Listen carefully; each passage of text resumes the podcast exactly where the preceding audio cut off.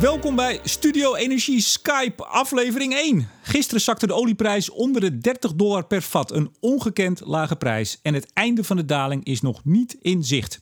Over de oorzaken en vooral de gevolgen praat ik met Hans van Kleef, senior energie-econoom bij ABN AMRO. Hans, deze serie heet niet voor niets Studio Energie Skype. Wij zitten niet tegenover elkaar. Ik zit thuis in Amsterdam. Waar zit jij? Ik zit uh, ook thuis, maar dan in Apkoude. Dus niet ver van elkaar, maar uh, ja, het is, het is anders dan anders, inderdaad. Ja, want werk jij nog wel af en toe bij de bank of is het alleen maar thuis? Nee, af en toe wel. Uh, onze onze afdeling is zeg maar in tweeën geknipt. Dus de ene week werkt team A op kantoor en de andere week werkt team B op kantoor. Drukke tijden dus, neem ik toch aan voor een analist van de energiemarkt. Ja, superleuk, super interessant, maar inderdaad ook erg druk en, en heel onzeker. En dat uh, is uh, voor ons uh, als analist leuk, maar vooral voor klanten en speculanten ja, onzeker en, en, en minder leuke tijden soms. Nou, daar gaan we, daar gaan we het over hebben. Gisteren, maandagavond, zakte de prijs van een vat Brent-olie onder de 30 dollar.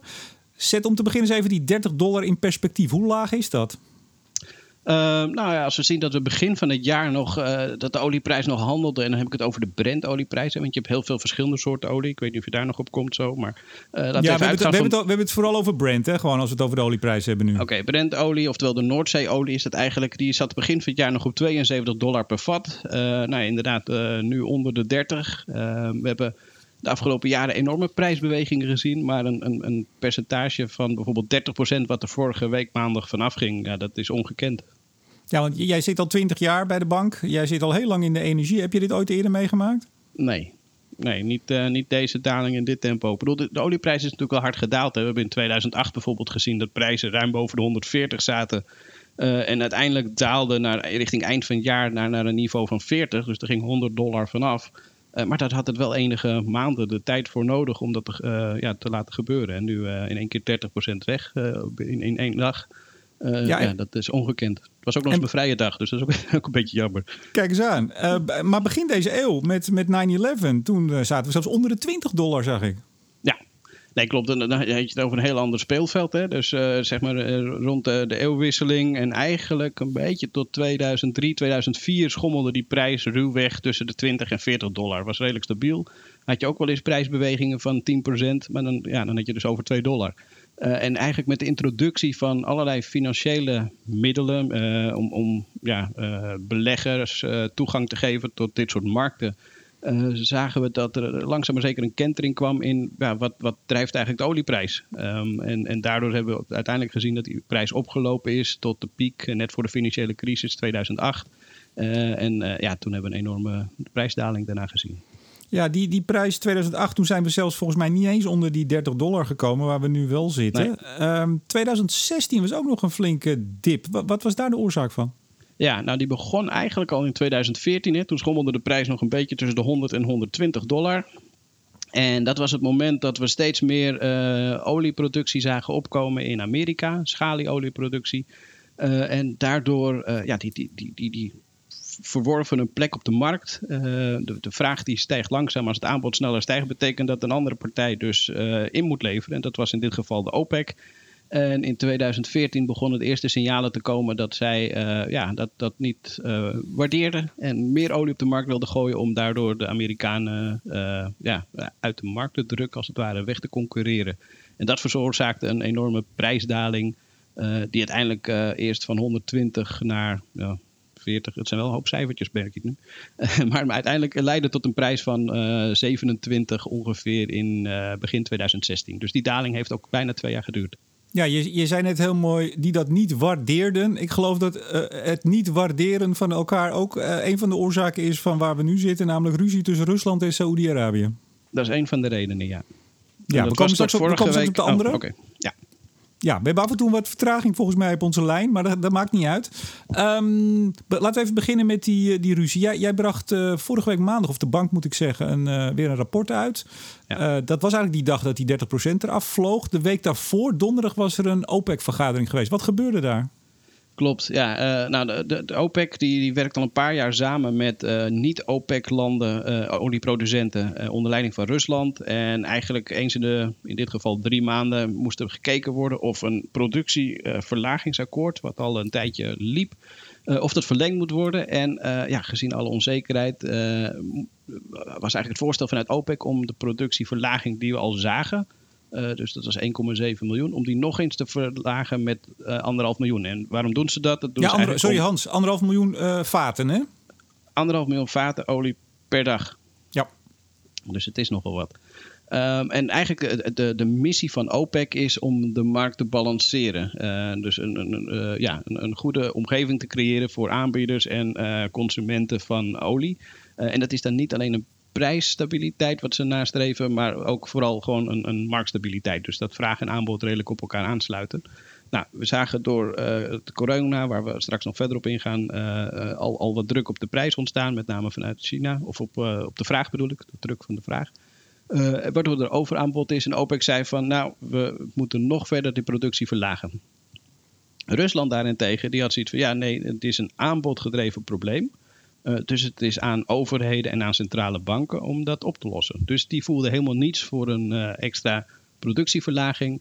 Um, en ondanks ja, intensief overleg hebben ze dus uiteindelijk, zijn ze er niet uitgekomen en uh, hebben ze Wenen met z'n allen verlaten zonder akkoord. En dat betekent eigenlijk dat eind van de maand, want dan loopt het huidige productieverlagingsakkoord af, dat iedereen vrij is om te produceren wat ze willen. Ja, dus precies, want het lijkt alsof al meteen alles helemaal uh, los ging. Maar dat gaat eigenlijk pas 1 april in. Ja, maar goed, dat helemaal losgaan, dat zijn natuurlijk ja, typisch het, het gevolg van de financiële markt eigenlijk. Waar we het net ook over hadden. Dat sinds 2004, 2005 wordt er steeds meer gespeculeerd op dit soort markten. En uh, ja, de reacties die zijn dan ook enorm. We zien dat bijvoorbeeld door een tweet van Trump kan je zomaar 10% lager staan. En dat heeft nog helemaal geen enkel effect op vraag of aanbod van de olie. Dus in de fundamentele cijfers zie je daar niets van terug. Maar puur door sentiment, angst, hoop uh, zie je enorme prijsbewegingen. En dat was dit eigenlijk ook. Dus uh, dat was de eerste prijsschok van vorige week, waarom we vorige week met een, uh, een rapport uitkwamen. Ja, maar, maar e-, even Hans, wat, wat, speelt hier op de achtergrond? Kijk, je kan zeggen, we komen, we komen er even niet uit, we zijn het niet eens, oké. Maar nu drijven ze dus samen, Rusland en Saudi-Arabië, uh, die olieprijs nog verder naar beneden. Ze verdienen uh, alle twee nu zelf ook niks. Is dit een kwestie van armpje drukken? Ja, uh, dat, dat is het korte antwoord. nu, nu het lange. nu het lange antwoord, ja. Nee, natuurlijk. Het is, het, is, het, is, het is super fascinerend. Het is geopolitiek van de allerhoogste plank. Uh, waarbij je ziet dat aan de ene kant Saudi-Arabië dus een voorstel doet. En, uh, op, op, dat was op donderdag bij de OPEC-vergadering. Om de Russen een beetje een kant op te duwen. Nou, de Russen zeiden van daar hebben we helemaal geen zin in. En uh, we laten het, het akkoord klappen. En eigenlijk vervolgde dat nog in het weekend daarna. Waarbij Saudi-Arabië zei, of eigenlijk in de vorm van Saudi Ramco. Van nou, dan verlagen we al onze prijzen richting onze klanten in Azië. Um, en dat zorgde voor die enorme prijsdruk op, op maandag. Dus het is echt ja, die, een, die 30 procent die eraf vloog. Precies. Dus het is echt een, een, ja, bijna een wedstrijdje van wie heeft de langste adem. Uh, wat natuurlijk bizar is met, met zulke financiële gevolgen. Maar dat, dat is wat je ziet. Uh, en dan, dan speelt er nog iets op de achtergrond. En dat is iets waar we natuurlijk nooit zekerheid over krijgen. En dat is uh, hun gezamenlijke agenda. Want ze zijn beide gebaat ja. bij druk op de Amerikaanse schalieolie. Dat dacht ik al dat je dat ging zeggen, Hans. Kijk. nee, want die, die, die hebben ze, de Saoedi's hebben die natuurlijk eerder geprobeerd uit de markt te drukken. Ja. Rond 2014 ook, hè, in, in, in die jaren. Niet gelukt. Die Amerikanen gingen innoveren, gingen nog goedkoper produceren. Maar ja. ja, die zit ook aan het eind van hun Latijn, denk ik. Ja, die hadden het bij een prijs van 40, 45, waar we uh, begin van de maand op zaten, hadden ze het al heel lastig. En ja, met de huidige prijzen rond de 30 uh, is dat nog lastiger. En dat is, ja, ze, ze moeten geld verdienen om aan hun financiële verplichtingen voldoen. Uh, en geld verdienen met deze prage prijzen. Terwijl je kostprijs uh, hoger ligt, is uh, ja, nou, niet mogelijk. Maar jij zegt, jij zegt dit niet voor niks. Je zegt we, we komen daar natuurlijk nooit achter. Maar ja, dan zeg ik, jij vermoedt toch dat ze misschien samen een beetje optrekken? Nou, daar komen we dus nooit achter. maar, en dat ga je dus ook niet zeggen. Maar nee, het, dat ga ik niet zeggen. Maar het, het, het, hebben wel. Ik bedoel, je hebt het over de drie grootste spelers in de markt. Dat is uh, de Amerika die produceert met 13 miljoen vaten inmiddels het meest uh, ter wereld. Uh, maar dat zijn wel honderden kleinere partijen die dat in Amerika bij elkaar brengen, zeg maar. Rusland is de tweede grote producent met 11 miljoen. En Saudi-Arabië volgt met ongeveer 10 miljoen vaten olie per dag. Ik zeg het nog een keer. En, daarmee heb je dus ruim, ja, bijna een derde van de wereldproductie in drie landen. En, en als je ziet wat een prijsbeweging soms een overaanbod van, van een half miljoen of een miljoen vaten kan uh, bewerkstelligen, dan, dan begrijp je ook wat, uh, waar deze bewegingen vandaan komen. En wat dus de belangen zijn van deze landen. De, de, we komen straks hoor, aan het eind komen we meer op de verwachtingen. Dus da, dan gaan we er wat uitgebreider op in. Maar nu even ja. kort. Deze situatie waar we nu in zitten, dat armpje drukken. Hoe lang zie je die nu nog voor, voortduren? Um, nou, dat, dat is een beetje lastig, omdat er een tweede argument natuurlijk nu is bijgekomen. Uh, en, en, dat is dat hele corona-gebeuren. Uh, uh, maar in principe het corona-gebeuren, vind ik wel een mooie omschrijving. Ja, ja kijk, dat is een, een complete understatement van, van nee, wat nee, het nee, natuurlijk goed, is. Maar, maar het, en, en ik, ik, hoop dat we daar zo nog even wat meer over kunnen zeggen. Maar dan snap je waarom ik het, uh, ja, het, het hele OPEC-belang, wat tot vorige week echt super belangrijk was en een mega impact had op de oliemarkt, wordt toch een beetje naar de achtergrond gedreven. Dus het armpje drukken kunnen ze echt nog wel even een tijdje volhouden. Ik denk dat de bal daar vooral ligt nu bij Saoedi-Arabië, omdat zij gebaat zijn, uh, of hun overheidsfinancieren zijn ge, gebaseerd op een olieprijs van zo'n 75 dollar. Uh, de Russen die kunnen uit met, met 40 dollar, daar zitten we ook al onder. Uh, en, en Amerika, ja, die hebben zo'n zo'n 50 dollar nodig. Dus ze lijden alle drie pijn, maar de Saudis het meest. Hoewel die dan ook wel weer het meeste financiële reserves hebben. Dus het is heel lastig te zeggen tot wanneer dit duurt. Juni is de volgende officiële OPEC-vergadering. Uh, maar het zou mij ook niet verbazen als de, de gesprekken achter de schermen zeg maar, nog doorgaan om te kijken of ze niet toch een, een soort van signaal nog deze maand aan de markt kunnen geven dat het niet helemaal uh, hopeloos is. Ja, die zitten net als wij gewoon voortdurend te skypen natuurlijk. Hè? Dat doen ze uh, ook. Ja, dat denk Precies. ik wel hey, corona. Het corona gebeuren. Ja, ja want die, die Saoedi's die, eh, die overspoelden de markt eigenlijk met goedkope olie op, op, op die maandag. Uh, nou, corona liep toen al. Hè. We praten over nog maar een weekje, anderhalve week geleden. Ja. Um, ja, dat, dit lijkt me ook voor, voor iemand zoals jij als analist uh, ja, buitengewoon bijzonder. Hoe, hoe, hoe weeg je zo'n zo'n virusuitbraak? Hoe, hoe, hoe, hoe, of, uh, hoe anticipeer je hierop? Ja, dat is, dat is verrekte lastig. Uh, sowieso, uh, nou, je zei net, we komen straks op olieprijsramingen. Maar misschien moet ik daar toch, ik zal niet de nummertjes zeggen of de cijfertjes, maar wel zeggen, wat, bij ramingen neem je allerlei aannames, zeg maar. Die, die doet allerlei aannames en dan kom je tot een bepaalde richting. Ik, we noemen altijd een, een prijsniveau, maar eerlijk gezegd, de precieze prijs voorspellen is natuurlijk onmogelijk. Uh, dus wat je doet is, uh, je, je, bepaalt een basisscenario en op basis daarvan geef je richting aan de, aan de markt. En in mijn geval is dat uh, de olie- of de gasmarkt of de CO2-prijs. en nou goed, nu hebben we het over olie. Dus daar geef je richting aan en dat hoeft niet op de dollar nauwkeurig. Dat, dat kan ook niet, maar dat, dat, dat is wat je doet. En het lastige is dat um, tot, nou ja, tot, totdat zeg maar, de markt door, door speculatie vooral gedreven werd, kon je nog zeggen nou, we hebben vraag en aanbod. Uh, we zien nu de bepaalde evenementen gebeuren en dat heeft een invloed op de vraag, dan wel het aanbod. Uh, en dat vertaal je door naar een olieprijs. Uh, het lastige hiervan is dat je heel veel marktspeculatie ziet en, en je dus al enorme prijsbewegingen kan zien, die je dus wel in, mee moet nemen in je ramingen maar die niet gebaseerd zijn op de fundamentals. Dus je krijgt een extra aanname erbij. Uh, om, om, om tot je prijs uh, te komen. Beetje lastig uitleggen, maar ik geloof dat ik het ja, zo redelijk... Nou ja, uh... weet je, ik heb, ik heb toch even, want we kunnen die, die, die, getallen er best wel bij pakken. En 9 maart kwam je rapport uit en dan zeg je... nou ja, wij hebben een nog verdere neerwaarts risico zien wij als beperkt. Nou, ik kan me voorstellen dat dat nu inmiddels alweer anders is een week later. Misschien per dag. Einde ja. kwartaal 1, 40 dollar per vat. Einde kwartaal 2, 48 en een jaargemiddelde van 49. Ja. Dat moet je en nu die... denk ik alweer bijstellen, of niet? Ik heb uh, vanmorgen overleg gehad en uh, morgen uh, komen mijn nieuwe raming uit. Maar ja, die, die ga je dus nu niet zeggen, want dat, daar gaan, die, dat die gaan we aan het eind van de call. Die gaan we wel zeggen, want uiteindelijk, met, met alle respect van de wereld, maar ik kan niet de olieprijs beïnvloeden. En mijn visie wordt best wel gelezen. Maar Dan onderschat dat, je toch deze podcast, Hans? Iedereen oh ja, luistert ja, hiernaar. Ik, ik had over mijn publicatie, maar de podcast inderdaad, die onderschat ik. Bij deze. Excuses. nee, maar weet je... Nee, maar, maar we kunnen het, wel noemen, zo, de richting. Ik, dus. ik, wij, wij, kennen elkaar een beetje. En uh, ik, ik volg natuurlijk altijd jouw rapporten en jouw analyses. En ja, ik dacht op een gegeven moment... Ja, die arme man, die, kan, die, die weet ook niet meer waar hij het zoeken moet. Hoe kun je hier nou nog... Ik bedoel, dat moet je. Dat is je, je baan en, en je ja. werk. En je moet het voor de bank doen. Maar je zou kunnen zeggen, misschien met alle respect... Uh, ik kan het ook gaan voorspellen. Ik roep eens wat. Ja, nou, er zit een, een verschil tussen. Uh, dan laat ik even de laatste opmerking dat jij het kan weg.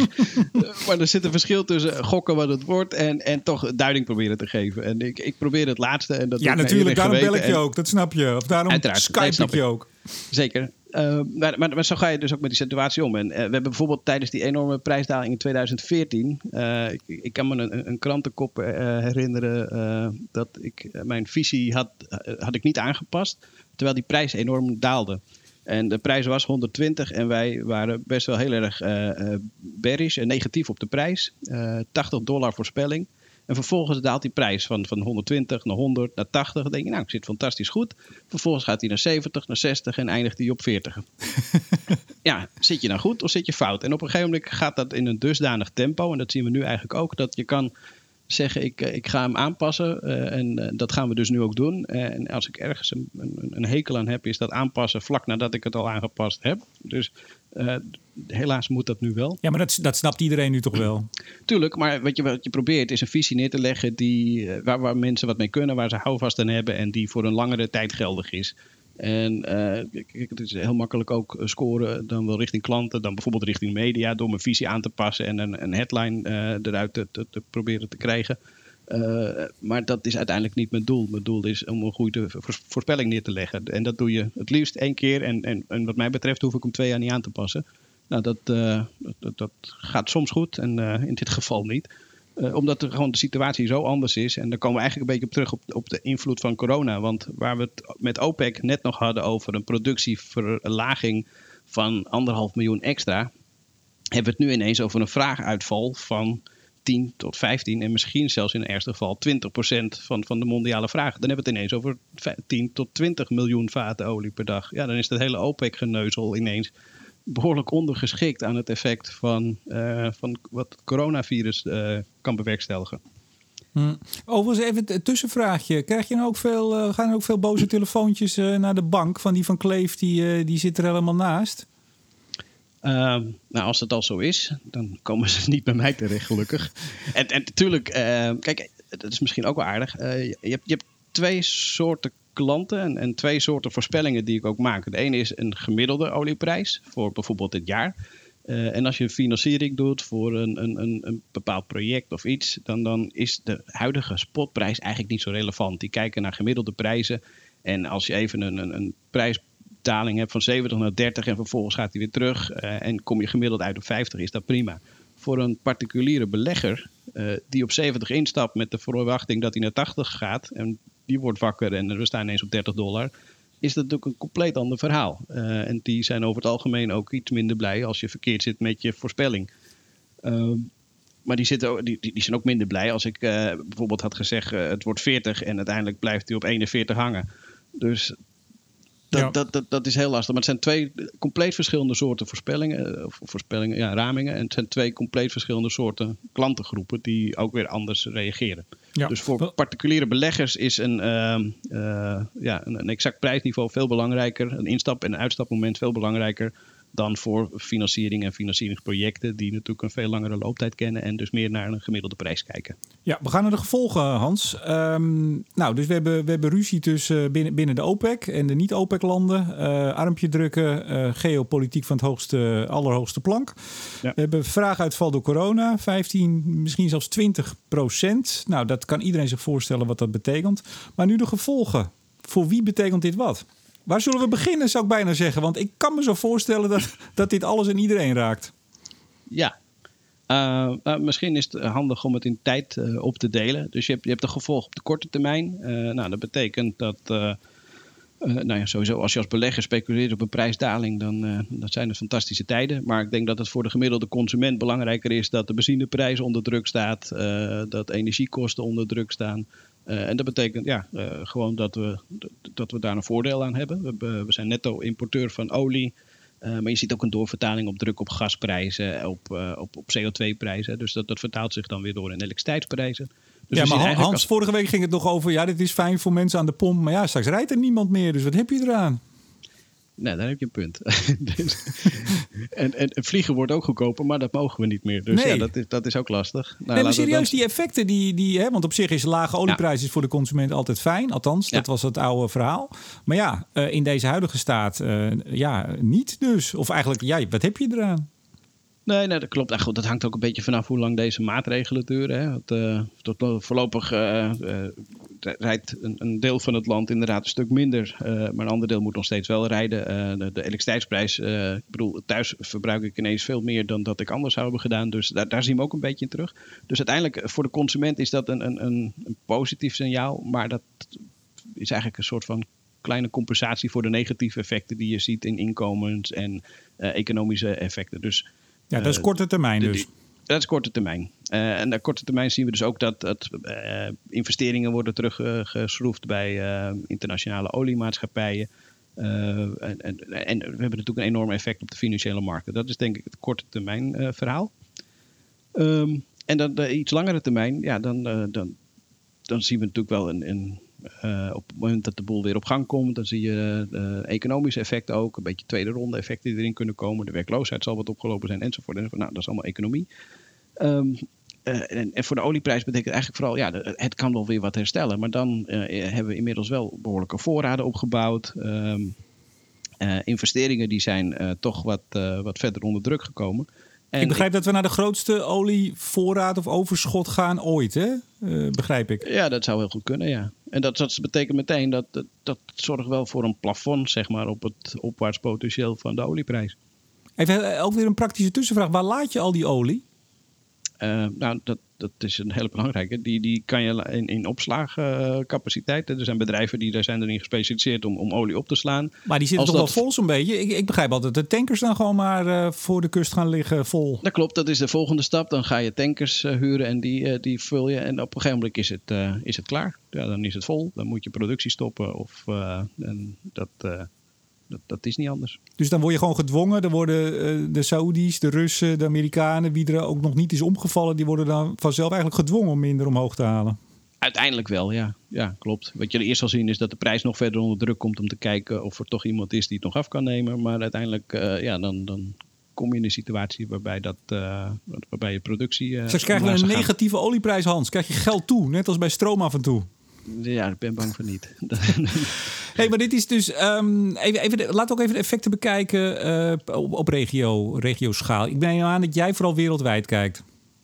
Uh, ook. Uh, ik, ik, kijk, ja, ik weet niet welke regio je zit. Nou, zijn er verschillen, laat ik zo zeggen, zijn er verschillen die jij kunt aangeven als het gaat over de EU, over Nederland misschien zelfs als, als klein postzegeltje, in vergelijking tot de rest van de wereld? Ja, kijk, uiteindelijk heb je verschillen in, in kostprijs. Uh, dus je zal zien dat de lage kostprijs olieproductie als eerste weer uh, aangezwengeld zal worden. de Amerikaanse schalieolieproductie is natuurlijk wel heel flexibel. Die kunnen redelijk snel reageren op prijsbewegingen. Dus je zal zien dat die de komende maanden flink omlaag gaat, ook als de prijs weer wat gaat herstellen. dan zal dat onder druk blijven staan. maar die kunnen redelijk snel uh, daarop anticiperen. Wat je wel zal zien is dat de, duurdere olieprojecten, bijvoorbeeld de diepzeeproject in Brazilië, noem alles maar op, ja, dat zal toch een beetje op de lange baan geschoven worden, voor zover dat niet al het geval was. Dus uh, die, die effecten zie je. Uh, en wat we eigenlijk nu al zien, en dat kan ook deels door klimaatbeleid komen, is dat bijvoorbeeld het, het, het, zoeken naar olie en gas in Europa al even goed onder druk staat. En dat was al bij de olieprijs van 50, 60, 70 dollar. Maar dus, betekent, dat, uh, betekent ook dat straks als de economie weer aantrekt, ja, wanneer weten we niet, maar als, dat we straks een hele hoge olieprijs uh, moeten gaan rekenen? Nou, in eerste instantie niet, want we hebben natuurlijk enorme voorraden. Zeker, maar ehm, daarna? Kijk, als je, niet, eh, als je niet gaat zoeken en omhoog gaat halen, dan kom je op een gegeven moment weer met een tekort. Ja, dat klopt. Uh, goed, de vraag is, wat is dan nog een hoge olieprijs? Want een, een uh, project waar je eerst misschien een productiekosten had van, van 80 ja, door efficiëntie en door kostenverbetering enzovoort gaat die prijs ook steeds verder omlaag. Dus op een gegeven moment heb je ook een minder hoge prijs nodig om die productie wel weer wat aan te kunnen zwengelen. Maar eh, zeker waar, op een gegeven moment als je tekorten krijgt, en wat dat betreft is de olie een, een mooie vertaling van de, de ouderwetse varkenscyclus. Uh, dat als er te weinig geïnvesteerd wordt, ja, dan, dan op een gegeven moment gaan we dat terugzien in het aanbod. En uh, als de vraag maar blijft groeien, of in ieder geval groter wordt dan het aanbod, dan, dan gaat die prijs omhoog. Ja, hey, even uh, Shell. Uh, die stond uh, de, de beurskoers eind vorig jaar, oftewel nou ja, begin dit jaar, in december 26 euro. Stond gisteren of eergisteren op 12 euro. Laagste punt in 15 jaar. meer dan gehalveerd. Wat doet dat voor zo'n bedrijf? Ja, dat is niet goed. nee, dat, maar goed, kijk, dat had ik ook kunnen bedenken, Hans. Maar nou, kijk, dat, uh, dan, dan had je dat goed bedacht. Um, nee, ik, ik, ik ben geen aandeelanalist. Ik mag uh, in principe ook helemaal niet zeggen over bedrijven als, als, als Shell. Uh, wat je wel kan zien is natuurlijk dat een, een, enorme daling van de olieprijs zorgt dat er druk komt op hun investerings een, eh, een, capex, zeg maar, dat investeren in, in het, zoeken naar nieuwe bronnen. Uh, nu waren, was Shell al bezig met een draai richting gas, uh, maar uiteraard zit die ook nog in de oliemarkt. Nou, dat zal onder druk komen. als dat aanhoudt, ja, dan zullen ze hun eigen aandelen misschien minder in gaan kopen. En als dat niet meer voldoende is, ja, dan zal je toch een keer aan het dividend moeten gaan sleutelen. Uh, maar dat, dat, nogmaals, daar ben ik geen expert in. Uh, maar, maar, dat een lage olieprijs uh, niet goed is en zich zeker bij dit soort bedrijven één op één doorvertaalt in, in, in beurskoers, dat, dat is logisch. Nou ja, dan ga je ook niks zeggen over Fugro. die hebben de laatste maand 70% van de beurswaarde verloren. Ja, klopt. Daar ga ik ook niks over zeggen. Nee, nou, dan ga, dan ga, dan ga ik. Nee hoor, ik ga er ook niks over zeggen. Um, nou ja, weet je toch even die oliebedrijven. Uh, een stuk in het FD afgelopen zaterdag. Ja, daar valt ook niet zoveel meer te snijden, begrijp ik. Dus die crisis kan er wel eens heel erg inhakken. Niet alleen bij Shell, maar ook bij de andere de majors. Nee, klopt. Die, die, en dat is natuurlijk dat we de laatste jaren enorme prijsdalingen gezien hebben. Dat, dat zij wel al behoorlijke kostenefficiëntie hebben doorgevoerd ja, dat kan je niet blijven doen natuurlijk. Op een gegeven moment ben je zo efficiënt als het maar kan. Ehm, en valt er ook bij uh, de, de toeleveranciers zeg maar niets meer eh, te onderhandelen zonder dat ze omvallen. Uh, dus ja, dan is de rek er een beetje uit. ja, ook, ook Saudi Aramco, onze Saudische vrienden, die hebben ook zondag aangekondigd hè, bij hun jaarcijfers dat ze het mes in investeringen gaan zetten. Dus ja, die, die moet ook bezuinigen, heet dat dan, hè? Ja, en op korte termijn is dat helemaal niet erg. Uh, want nogmaals, de productie is, uh, is zeer ruim ten opzichte van de vraag. Uh, de voorraden zijn hoog. Dus als het niet te lang duurt, is dat helemaal niet zo'n probleem. Het wordt pas lastig als, als, het, als het veel langer gaat duren. Tot slot de verwachtingen. We hebben het er natuurlijk al even over gehad. Je hebt het al gezegd. Wanneer, wanneer kwam je ook weer uit met het nieuwe rapport? Morgen? Morgen, ja.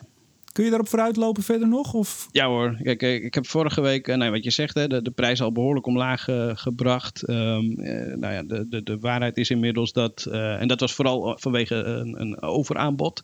wat we nu daarbovenop hebben gekregen is een, een, gigantische vraaguitval. wat gewoon voor een langere tijd druk zet op die olieprijs. Dus ehm, we zitten nu ongeveer op 30 dollar. we denken dat we het laagste punt van die 2016, die 27 uh, wel op kunnen gaan zoeken in de komende weken. Nou is dat ook nog maar 3 dollar weg. Wat tegenwoordig ook meteen 10% is trouwens. Dus het is toch nog best wel wat. Um, uh, en en uh, nogmaals, ook dit is niet op de dollar precies te voorspellen. En neerwaartse risico's, zeker op korte termijn, die blijven. we denken wel dat op het moment dat de maatregelen weer wat soepeler worden en, en de economie weer op gang komt, er een herstel komt in de tweede helft van het jaar, waardoor de prijs toch alweer wat kan stijgen richting 40, 45 dollar eind van het jaar. Uh, en dat lijkt vanaf het huidige niveau dus een enorme stijging. Maar nogmaals, aan het begin van het jaar zaten we op 72. Dus het is nog steeds een bizar lage prijs. En die vertalen we eigenlijk ook door naar volgend jaar, waarbij we denken dat we in een beetje 45, 50 dollar uh, range uh, zullen blijven zitten. Maar dan maak je toch eigenlijk ook een inschatting over hoe lang dat virus, niet zozeer het virus rondwaart, maar vooral ook die, die maatregelen zoals wij nu in Nederland hebben in andere landen, zoals in Frankrijk, een soort complete lockdown. Dan moet ja. je daar dus ook een inschatting van hebben gemaakt. Dat klopt. We denken, eh, kijk, eh, dat is ook wat je van de, van de, de experts hoort, dat dit rustig eh, een maand of drie aan kan houden. En daar houden we dus in onze scenario's ook rekening mee. Maar nou ja, of, of langer, als zoals als ik, als ik de onze premier gisteren hoorde. Dat klonk heel somber. Uh, dat, dat, klonk zeker somber. Dat was een goede toetspraak trouwens. Maar dat, zeker. Uh, even, even terzijde. Uh, nee, dat klonk zeker somber. En, en dat is ook waarom ik... ik, ik, ik, ik heb, we zitten nu eind eerste kwartaal. Ik heb dan de olieprijs op 27 en 35 staan voor het tweede en derde kwartaal. En nogmaals, dat is dat, niet eens de helft van waar we aan het begin van het jaar zaten. Dus wat je op een gegeven moment ook krijgt, en dat is wel weer een beetje het marktspeculatie-effect wat je erin ziet, is dat als markten denken van nou we kunnen niet veel verder omlaag, dan zijn er altijd weer partijen die in de markt zitten en denken, nou, dit is een mooi koopmoment. We gaan uh, op dit niveau wel weer instappen. En ondanks dat misschien die vraag dan pas iets later aantrekt, is dat opbouwen van posities kan al voldoende zijn om die prijs weer wat omhoog te drukken. Ik kom overigens ook wel commentaren of analyses van collega's van je, buitenlands collega's, die nog hem wel onder de 20 dollar zien, zien zakken. Ja, maar goed, als ik op de voorpagina van de krant wil staan, dan zou ik dat ook kunnen roepen. Ja, is dat het? Ik vroeg me dat namelijk af. Want dat zijn inderdaad natuurlijk de geluiden en de analisten die dan naar boven komen. Die krijgen dan het nieuws. Zou speelt dat echt mee, denk je? Eh, dat, uh, dat kan zeker een rol spelen. Uh, en ja, kijk, als je maar genoeg roept, dan, dan zit je altijd een keer goed. Uh, en nogmaals, ik, ik hoef niet per se de bodem te voorspellen. Vind ik eerlijk gezegd niet zo relevant. Ik geef liever de richting aan. En, natuurlijk, we kunnen naar, naar 27, dat is het dieptepunt. Als je het, het laagste punt daarna, dan daar hadden we het net over, hè, dus 2001, dan zit je ongeveer op 20 dollar. Ja, tuurlijk is dat mogelijk, maar het lijkt me niet een, een, niveau waarbij dat heel lang op dat niveau zou kunnen blijven. Simpelweg omdat je een effect gaat zien in de aanbod uh, van de olie. Die gaat gewoon nog sneller omlaag. Uh, en de financiële markten gaan erop reageren. Dus ik, ik sluit er zeker niet uit. Maar ik vind dat uh, meer een risicoscenario en een, een verkeerd signaal om dat niveau echt als, als een prijsvoorspelling neer te zetten. Jij bent ook columnist bij Energiepodium al een paar jaar. Ik kan me zo voorstellen dat je genoeg onderwerpen hebt om over te schrijven. Ja, ik zit nog wel heel erg te dubben waar de volgende is over moet gaan. En of dat gaat over de, de, de koppeling tussen corona versus klimaatbeleid, wat je hier en daar ziet. Uh, of dat ik het toch maar veilig bij de olieprijs houd. Ik, ik, ik heb het ei nog niet gelegd. Ik ben er nog niet uit. Nou, we, we, we, gaan, hem, we gaan hem lezen. Laatste vraag. Uh, hond uitlaten zometeen, wasje doen of nog andere leuke huishoudelijke activiteit? Of is het alleen maar werk? Ik ben bang voorlopig alleen maar werk. Nou, ik moet nog even boodschappen doen. Maar verder, als er nog wat is. dus, dus even afwachten. Nou, maar verder vooral werk. Oké. Okay. Ja. Hans, Hans van Kleef, senior energie-econoom bij ABN AMRO. Hartelijk dank voor het gesprek. Graag gedaan. Uiteraard bedank ik jou weer, beste luisteraar, voor het luisteren. Mijn naam is Remco de Boer. Graag tot volgende keer bij Studio Energie Skype.